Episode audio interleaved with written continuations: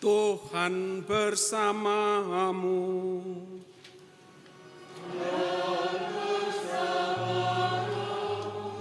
Inilah Injil suci menurut Matius.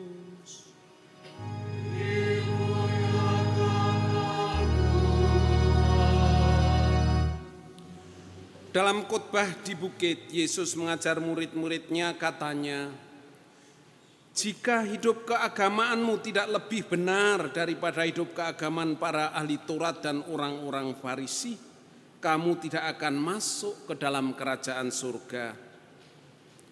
Kamu telah mendengar yang difirmankan kepada nenek moyang kita. Jangan membunuh. Siapa yang membunuh harus dihukum. Tetapi aku berkata kepadamu, setiap orang yang marah terhadap saudaranya harus dihukum. Kamu telah mendengar firman, jangan berzina.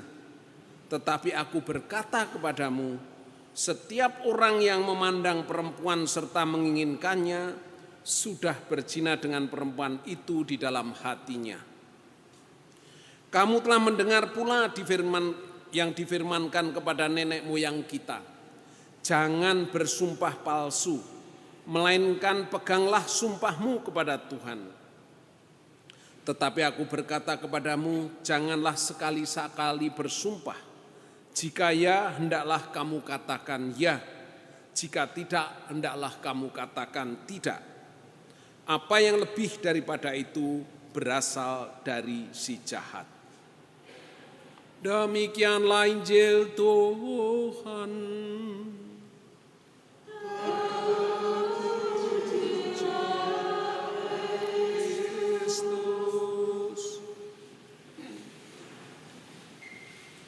Saudara-saudara yang terkasih, sebetulnya Injil yang dibacakan kali ini adalah versi pendek.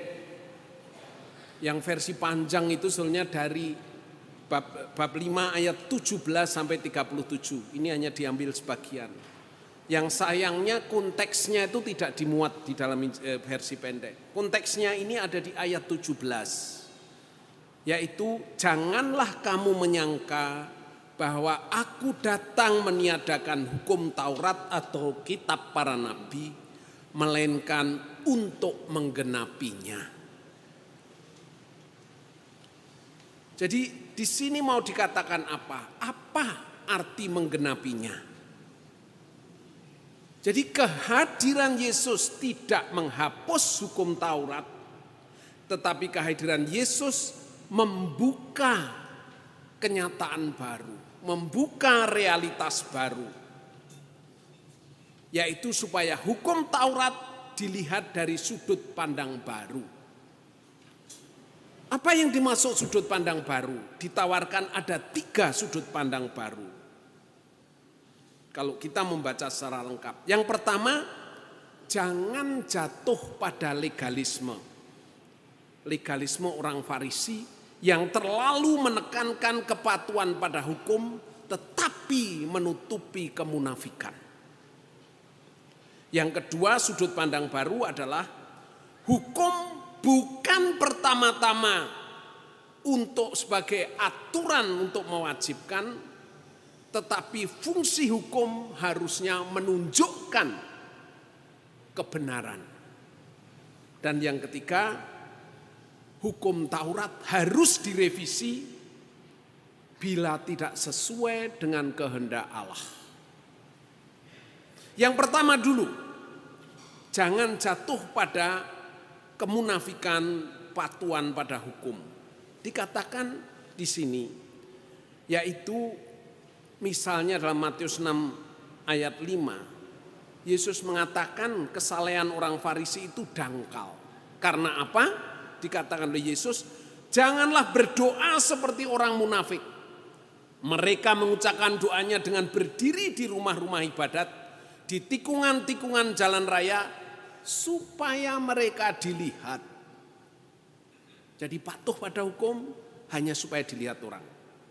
Pada Matius 6 ayat 16. Dan apabila kamu berpuasa, janganlah muram mukamu seperti orang munafik.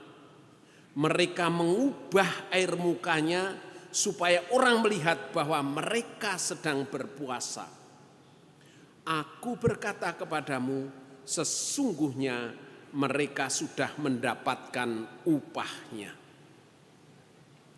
Jadi yang dituntut oleh Yesus adalah ketulusan, bukan kemunafikan. Jangan hanya patuh pada hukum, tetapi kita diajak untuk mencari nilai di balik hukum, nilai di balik puasa. Puasa adalah upaya supaya kita dekat dengan Tuhan, bukan supaya dilihat orang. Di situlah sebetulnya kita diajak mencari roh dari suatu peraturan, yaitu mencari sesuatu yang memberi makna hidup kita. Suatu hari seorang manajer HRD itu mengadakan rapat semua karyawannya. Dia ingin mengetahui apakah karyawannya itu di perusahaan itu merasa senang dan menemukan makna hidup di dalam di bekerja di perusahaan tersebut. Maka waktu rapat itu dia mengundang salah satu karyawan diminta maju. Lalu dia diminta menulis, tolong tulis 10 nama orang yang paling dekat dengan kamu, dengan siapa kamu ingin hidup sepanjang hidupmu. Lalu karyawan itu menulis 10 nama, ibunya, anaknya, istrinya, teman, dan tetangganya. Manajer itu kemudian minta lagi, sekarang silahkan pilih dari 10 itu hanya lima orang yang kamu benar-benar ingin hidup terus bersama mereka. Karyawan itu lalu mencoret lima nama sehingga tinggal lima nama yang tersisa. Belum selesai. Tolong coret dua nama lagi sehingga tinggal tiga. Akhirnya yang tersisa adalah ibu, istri, dan anak. Semua masih tegang karena apa? Manajer itu bilang lagi, silahkan coret satu nama lagi. Karyawan itu bingung, perlahan-lahan mengambil pilihannya, akhirnya ibunya dicoret. Tinggal istri dan anaknya. Semua tegang ternyata belum selesai. Sekarang coret satu lagi. Karyawan itu sedih sekali meneteskan air mata. Dan akhirnya apa? Yang dicoret anaknya. Jadi tinggal istrinya. Ah, Manajernya itu kaget lalu mengatakan karena dia dengan air mata seperti itu lalu tanya, "Mengapa kamu tidak memilih ibumu yang membesarkanmu, melahirkan kamu? Atau mengapa kamu tidak memilih anakmu yang adalah darah dagingmu sendiri? Mengapa kamu memilih istrimu?" Dengan suara pelan dia menjawab, "Pak, istri saya ada di sini ikut, Pak."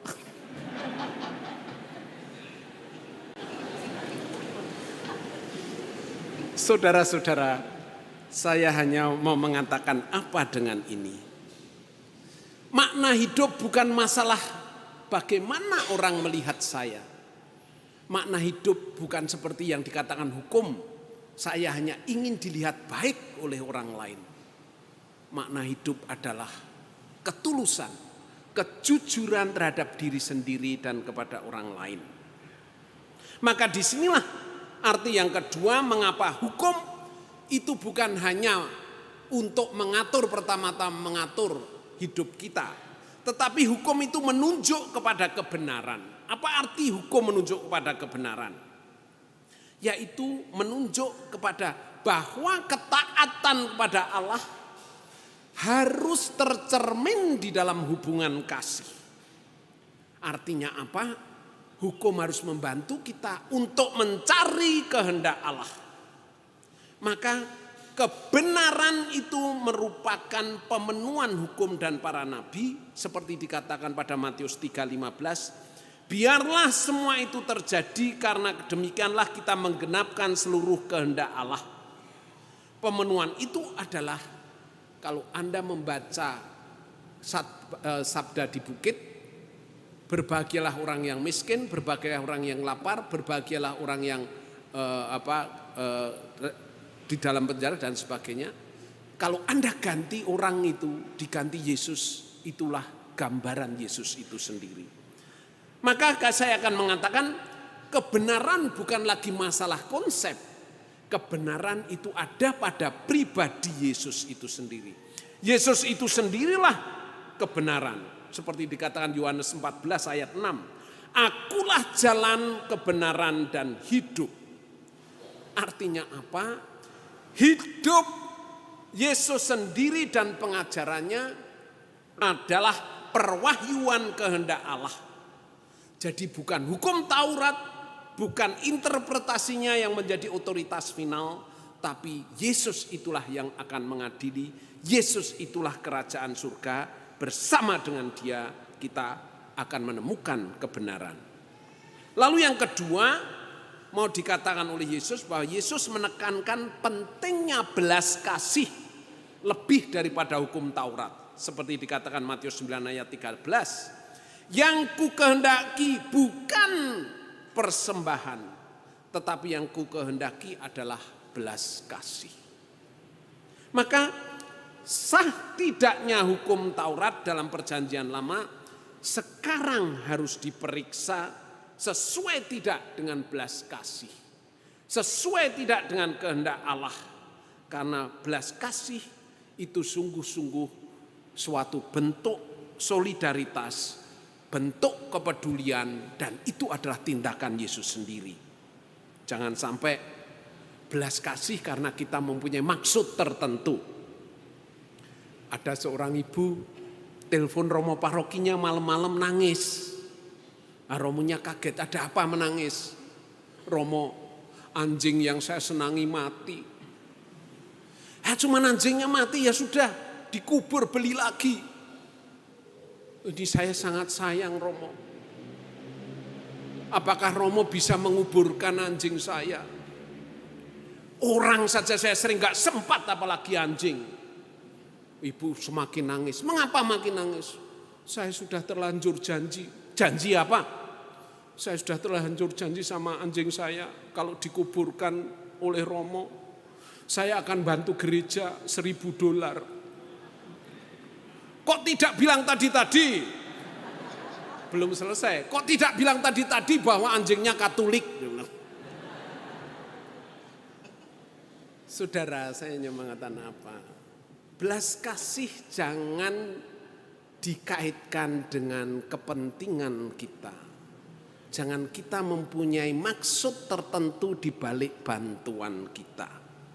Maka di sinilah saya kira pentingnya kita juga untuk mencari kehendak Allah. Bukan hanya berpikir, tetapi berdoa di dalamnya memohon supaya kita bisa menemukan kehendak Allah.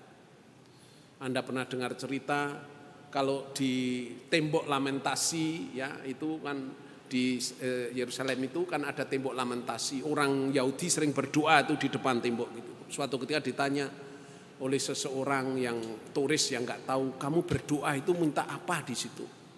Ya saya minta berdoa itu minta perdamaian di Timur Tengah, perdamaian di Israel dengan Palestina. Ah, gimana? Doamu dikabulkan enggak? Enggak. Ah, gimana? Ya rasanya seperti ngomong dengan tembok. Saudara saya ingin mengatakan apa? Kalau tidak sesuai dengan kehendak Allah harus ditafsir ulang. Misalnya dalam Matius 5:21. Kamu telah mendengar yang difirmankan kepada nenek moyang kita, jangan membunuh. Yang membunuh harus dihukum. Tetapi aku berkata kepadamu, setiap orang yang marah terhadap saudaranya harus dihukum. Siapa yang berkata kepada saudaranya kafir harus dihadapkan ke mahkamah agama. Jadi apakah itu sesuai dengan kehendak Allah? Harus ditafsir ulang. Markus 2:18 ditanya Yesus, "Mengapa murid-murid Yohanes dan murid-murid orang Farisi berpuasa tetapi murid-muridmu tidak?" Jawab Yesus kepada mereka, "Dapatkah sahabat mempelai laki-laki berpuasa sedang mempelai itu bersama mereka. Selama mempelai itu bersama mereka, mereka tidak dapat berpuasa. Artinya puasa adalah dalam rangka membuka hati kita supaya dekat dengan Tuhan. Kalau Tuhan ada di sana, mengapa kamu harus berpuasa? Lalu Matius 5. Kamu telah mendengar firman, kasihlah sesamamu manusia, bencilah musuhmu. Tetapi aku berkata kepadamu, kasihilah musuhmu dan berdoalah bagi mereka yang menganiaya kamu. Mana ada agama yang berani mengajarkan seperti itu, seperti Yesus, sangat radikal.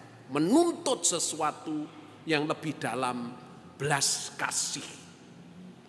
Maka kita pun kalau curiga itu sebagai, sudah dianggap sebagai dosa. Karena kecurigaan yang seperti dilakukan di sini orang-orang Farisi terhadap orang-orang kafir mengatakan kafir itu adalah bentuk bahwa dia menempatkan diri sebagai Tuhan, mengkafirkan orang lain. Ya. Jangan mudah. Itu kan malam-malam istrinya itu biasa bekerja kalau pulang sampai rumah itu jam 5, itu jam 8 baru sampai rumah. Suaminya tanda tanya dan bertanya, kok tumben pulang malam? Istrinya menjawab, lembur. Lembur apa? Ya lembur di kantor. Langsung istrinya pergi, mandi, langsung tidur. Suaminya penasaran kok seenaknya dan ketus gitu. Malam itu suaminya nggak bisa tidur. Kelisian terus adalah istrinya karena kecapean sudah apa tidur dengan nyenyap apa, apa enak sekali. Akhirnya apa? HP-nya bunyi ting gitu. Wah suaminya makin melihat itu HP-nya istrinya dibuka. Langsung marah dia. Istrinya dibangunkan, bangun, bangun, ada apa?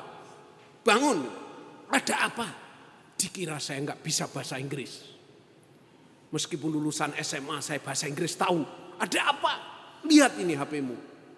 Siapa orang yang memanggil kamu beautiful, beautiful itu? Dikira saya nggak tahu bahasa Inggris. Mana? Ini. Mana? Istrinya sampai cuci muka. Mana? Ini beautiful itu. Ngawur. Baterai full beautiful.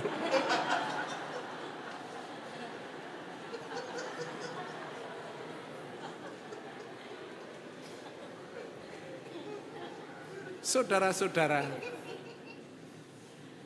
belas kasih tidak mudah kita buat curiga. Maka di sinilah kita diajak untuk mencari kehendak Allah, yaitu bahwa hukum dilakukan, hukum itu ditaati karena membantu kita pada kehendak Allah. Maka ketika hukum itu dipakai, dikatakan oleh Yesus, dikutip, karena ketegaran hatimu, Musa mengizinkan kamu menceraikan istrimu. Sejak semula tidaklah demikian. Jadi hukum diberikan karena kita tidak mau menerima, tidak mau menerima apa yang menjadi kehendak Allah. Mencari pembenaran diri. Itulah sebabnya hukum seharusnya bagi kita mengorganisir tanggung jawab. Tetapi etika mencari kehendak Allah mempertajam makna tanggung jawab. Mempertajam makna tanggung jawab berarti mencari kehendak Allah. Ya. Dan di situlah kita tidak hanya mencari, jadi hukum jangan digunakan untuk mencari kepentingan diri kita. Sering-sering karena kita keinginan sesuatu mengutip hukum, mengutip kitab suci hanya untuk pembenaran seperti itu. Saya kira bukan itu maksudnya.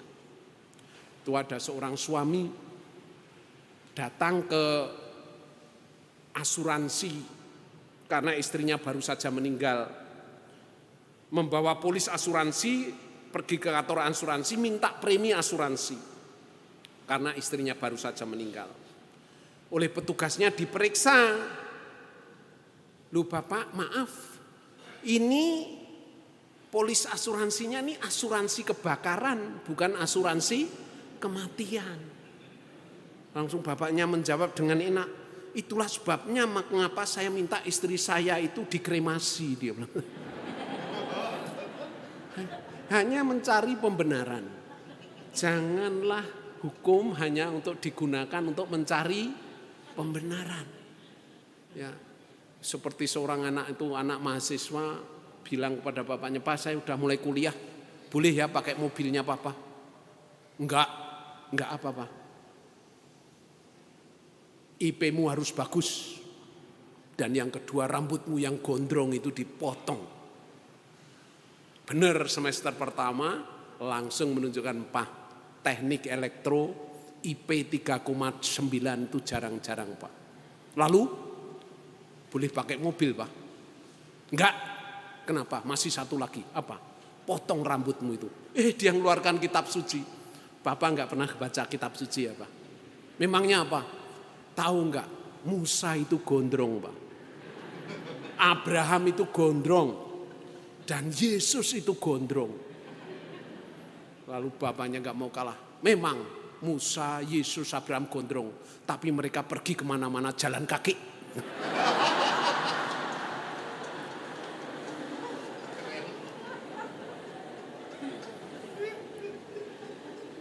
Saudara-saudara, janganlah hukum, janganlah kitab suci hanya digunakan untuk mencari pembenaran diri. Tapi marilah kita memurnikan hati kita mencari apa yang menjadi kehendak Allah. Amin.